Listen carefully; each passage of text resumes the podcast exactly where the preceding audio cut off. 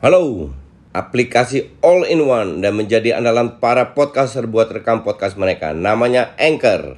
Kalian nggak perlu peralatan yang ribet kayak studio kalau mau rekaman. Semua bisa dari smartphone kalian menggunakan Anchor. Anchor bisa kalian download di App Store atau Play Store.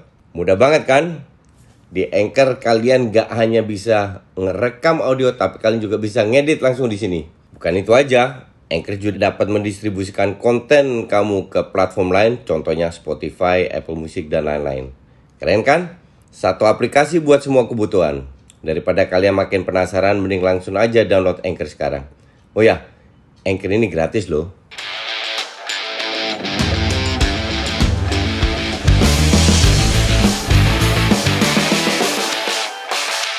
Salam Just Talk. Salam Just Talk. Em, kita bahas dua match Aston Villa dan em, MU, terutama MU. Aston Villa kemarin kembali kehilangan poin. Kenapa? Karena pada saat mereka ketemu tim yang parkir bis dan itu kemarin dilakukan oleh Burnley, mereka kesulitan ya. Si Grealish bisa mencoba segalanya dengan kalau gue bilang dengan skill individu yang jelas bagus tapi ya susah juga kalau lu harus ngelawan tembok lumayan sendiri. But anyway hal-hal seperti itu akan sering terjadi dan pelan-pelan seperti Leeds Aston Villa akan turun kembali ke habitatnya juga Everton dan lain-lain. Oke? Em, kita bahas MU MU kemarin di atas kertas sangat unggul karena eh, Sheffield baru meraih satu poin dari berapa 12 pertandingan kalau nggak salah. 11 12 13 banyak lah baru satu poin ser- sekali seri sisanya kalah semua oke? Di atas kertas. Yang bikin gue kaget 5 menit pertama Sh- Sheffield berani ngepres loh. Dan di situ kelihatan bahwa MU kesulitan untuk keluar ujung-ujungnya crossing ke depan. Dan gue rasa ini satu hal yang harus di dicoba dipelajari lagi dilatih lagi sama Ole bahwa tim kecil pun bisa ngepres jadi nggak harus tim nggak harus Liverpool atau atau City yang ngepres tim-tim seperti itu pun bisa ngepres dan eh, kelihatan kelihatan banget bahwa MU ini nggak biasa dipres karena keluar bolanya pasing-pasing nggak smooth lah. Beda kalau kalau kita bicara Liverpool City udah kelihatan sudah sudah biasa.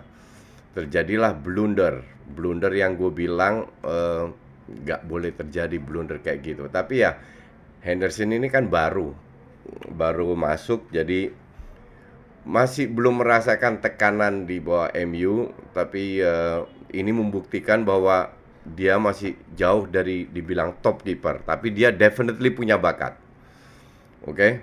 Berjalan 1-0 keluar lagi. Kalau gue bilang ya permainan MU nggak begitu smooth ya. Kita kita fa- fair aja organisasi Sheffield setelah 5 menit setelah gol itu itu amburadul. Mereka nggak ngepres sama sekali mereka berusaha untuk cover area dan itu juga di di babak ke sendiri. Yang terjadi MU dengan skill individunya ya lumayan lah. Nggak nggak terlalu top tapi lumayan. Hanya gue lihat eh, kembali lagi kalau menurut gue kontribusi Bruno itu luar biasa. Dia ke depan dia ingin eh, apa namanya cetak gol dia ke kiri ke kanan dia passing dia crossing. Yang crossingnya ke Martial itu keren banget. Kena- kenapa gue bilang keren? Mungkin banyak orang yang punya akurasi crossing seperti itu ya.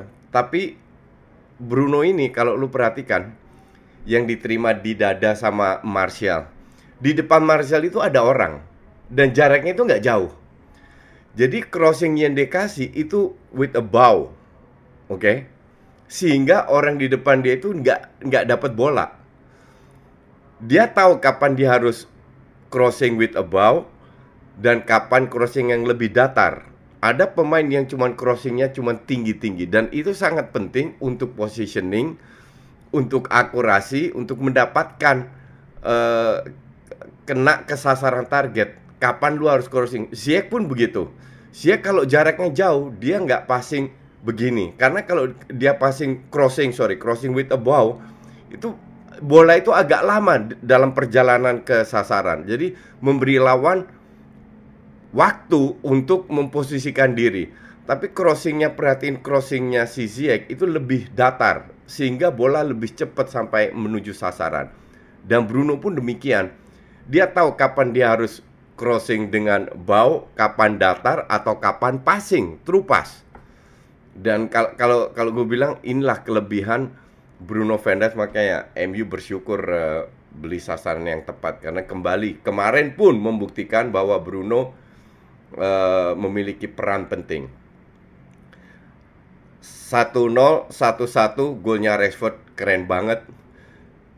Tapi kita harus fair juga. Gol kedua, ketiga di luar MU layak menang ya. Tapi terjadi yang gol kedua, ketiga itu dengan kiper yang normal, agak normal dikit lah itu nggak bakalan masuk.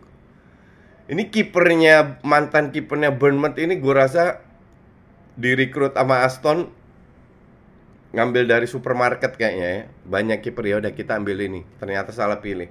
Makanya gue nggak heran Sheffield berada di papan bawah karena kipernya ini nggak banget, asli nggak banget. Nggak nggak fair kalau menilai kiper Sheffield seperti De Gea atau atau Ellison atau Ederson ya. Cuman kalau lu punya bakat sedikit bakat menjadi kiper, gol kedua ketiga itu tidak boleh terjadi. Hola, gue mau ngenalin kalian aplikasi rekaman andalan gue, Anchor. Jadi Anchor ini aplikasi yang lengkap buat para podcaster. Kita bisa ngerekam, ngedit, tambah musik, efek, bahkan sampai upload ke platform lainnya. Semua bisa dari Anchor. Nah, aplikasi Anchor ini bisa kalian download di App Store atau Play Store dan juga di website di www.anchor.fm. One app that your podcast needs. Oh ya, Anchor ini gratis ya.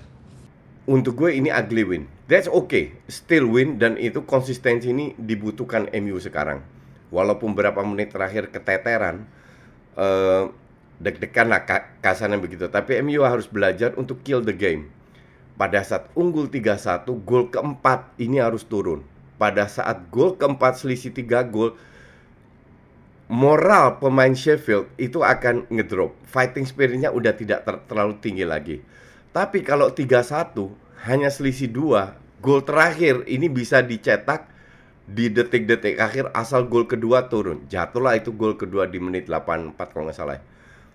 Tambah mereka bikin lebih semangat lagi. Untung satu save uh, dari Henderson yang yang yang bagus sehingga uh, apa namanya MU tetap pulang dengan tiga poin yang gue bilang sangat layak karena tim kayak Sheffield ini cuma lima menit doang menguasai mengimbangin lah sisanya itu bener nggak banget kelihatan juga dari uh, passing-passingnya, tapi mereka bisa mendapatkan beberapa peluang pada saat passingnya benar dan berkat fighting spirit itu gol kalau gue bilang ya salah Lindelof. Kenapa? Karena Lindelof gol kedua dari Sheffield karena Lindelof adalah pemain yang berpengalaman. Jadi gol kayak gitu sebenarnya nggak boleh terjadi, but it, it happens dan akhirnya menang menang 3-2. Cuman kalau gue bilang uh, Ole ini gue rasa Ole nggak puas sama sekali. Bagus tiga poinnya pulang, percaya diri anak-anak meningkat. Kenapa dia tidak puas? Sa satu peran dari dari ketergantungan terhadap walaupun Pogba kemarin bermain lumayan lumayan bagus dan crossingnya itu keren ya itulah tidak dimiliki oleh banyak klub lain pemain yang berkualitas kayak Rashford kayak Pogba kayak eh, Bruno that's why uh, gue prediksi MU ini harusnya bisa masuk empat besar karena pemainnya murni berkualitas. Tapi kalau lu lihat lihat Van de Beek lagi masuk ya, ampun ampun Anda. Ini masalah visi ya.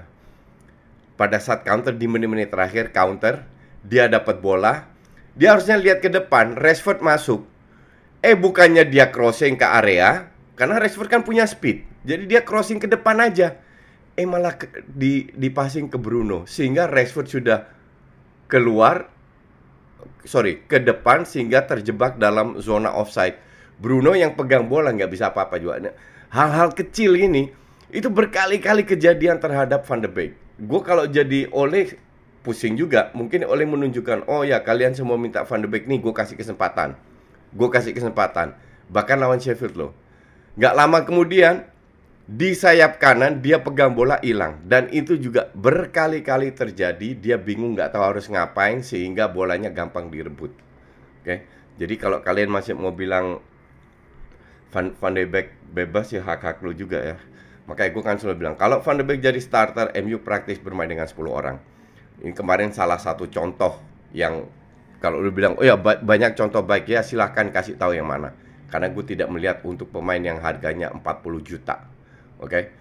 but but that's itu bukan bukan hanya itu masalahnya MU masalahnya MU sekarang uh, sangat tergantung oleh Bruno dan dan Rashford ya. Greenwood ups and down. Ya ini pemain masih muda juga. Nggak nggak nggak bisa disalahin juga. Dia masih belajar banyak lah Pogba kemarin gue rasa Pogba itu harus diberi kredit lebih banyak oleh Ole karena dia kemarin juga bekerja keras. Ada beberapa momen yang dia memang menghambat sirkulasi bola cepat, menghambat uh, serangan, tapi secara overall gol uh, gol dari uh, passingnya dia itu kan penting banget untuk mencetak gol kedua kalau nggak salah ya. Ya gol kedua. Um, apa namanya secara moral itu meningkatkan percaya diri pemain MU sehingga terjadi juga gol ketiga. Tapi 15 menit terakhir mereka mulai keteteran karena uh, Sheffieldnya lebih menyerang. Jadi 3 points masuk MU pelan-pelan ke atas. Hanya kalau gue jadi pemain pun itu jangan puas dengan match ini. Uh, Sheffield terlalu lemah dan memang terbukti MU layak menang tapi layak menang dengan selisih satu gol di samping itu 10 10 menit 15 menit terakhir diserang habis it's not a good sign untuk tim yang memiliki pemain berkualitas uh, banyak seperti MU dan ini akan menjadi PR buat Ole untuk kembali memperbaiki lagi gimana hal-hal kayak seperti ini tidak terjadi karena banyak sekali tim yang bermain identik permainnya seperti Sheffield itu jauh lebih banyak daripada tim Big Six, Big Five, Big Four yang bermain benar-benar terbuka. Oke, gitu aja. Ntar kita ketemu di DPI atau uh, besok dengan uh, uh, preview IPL. Thanks for watching.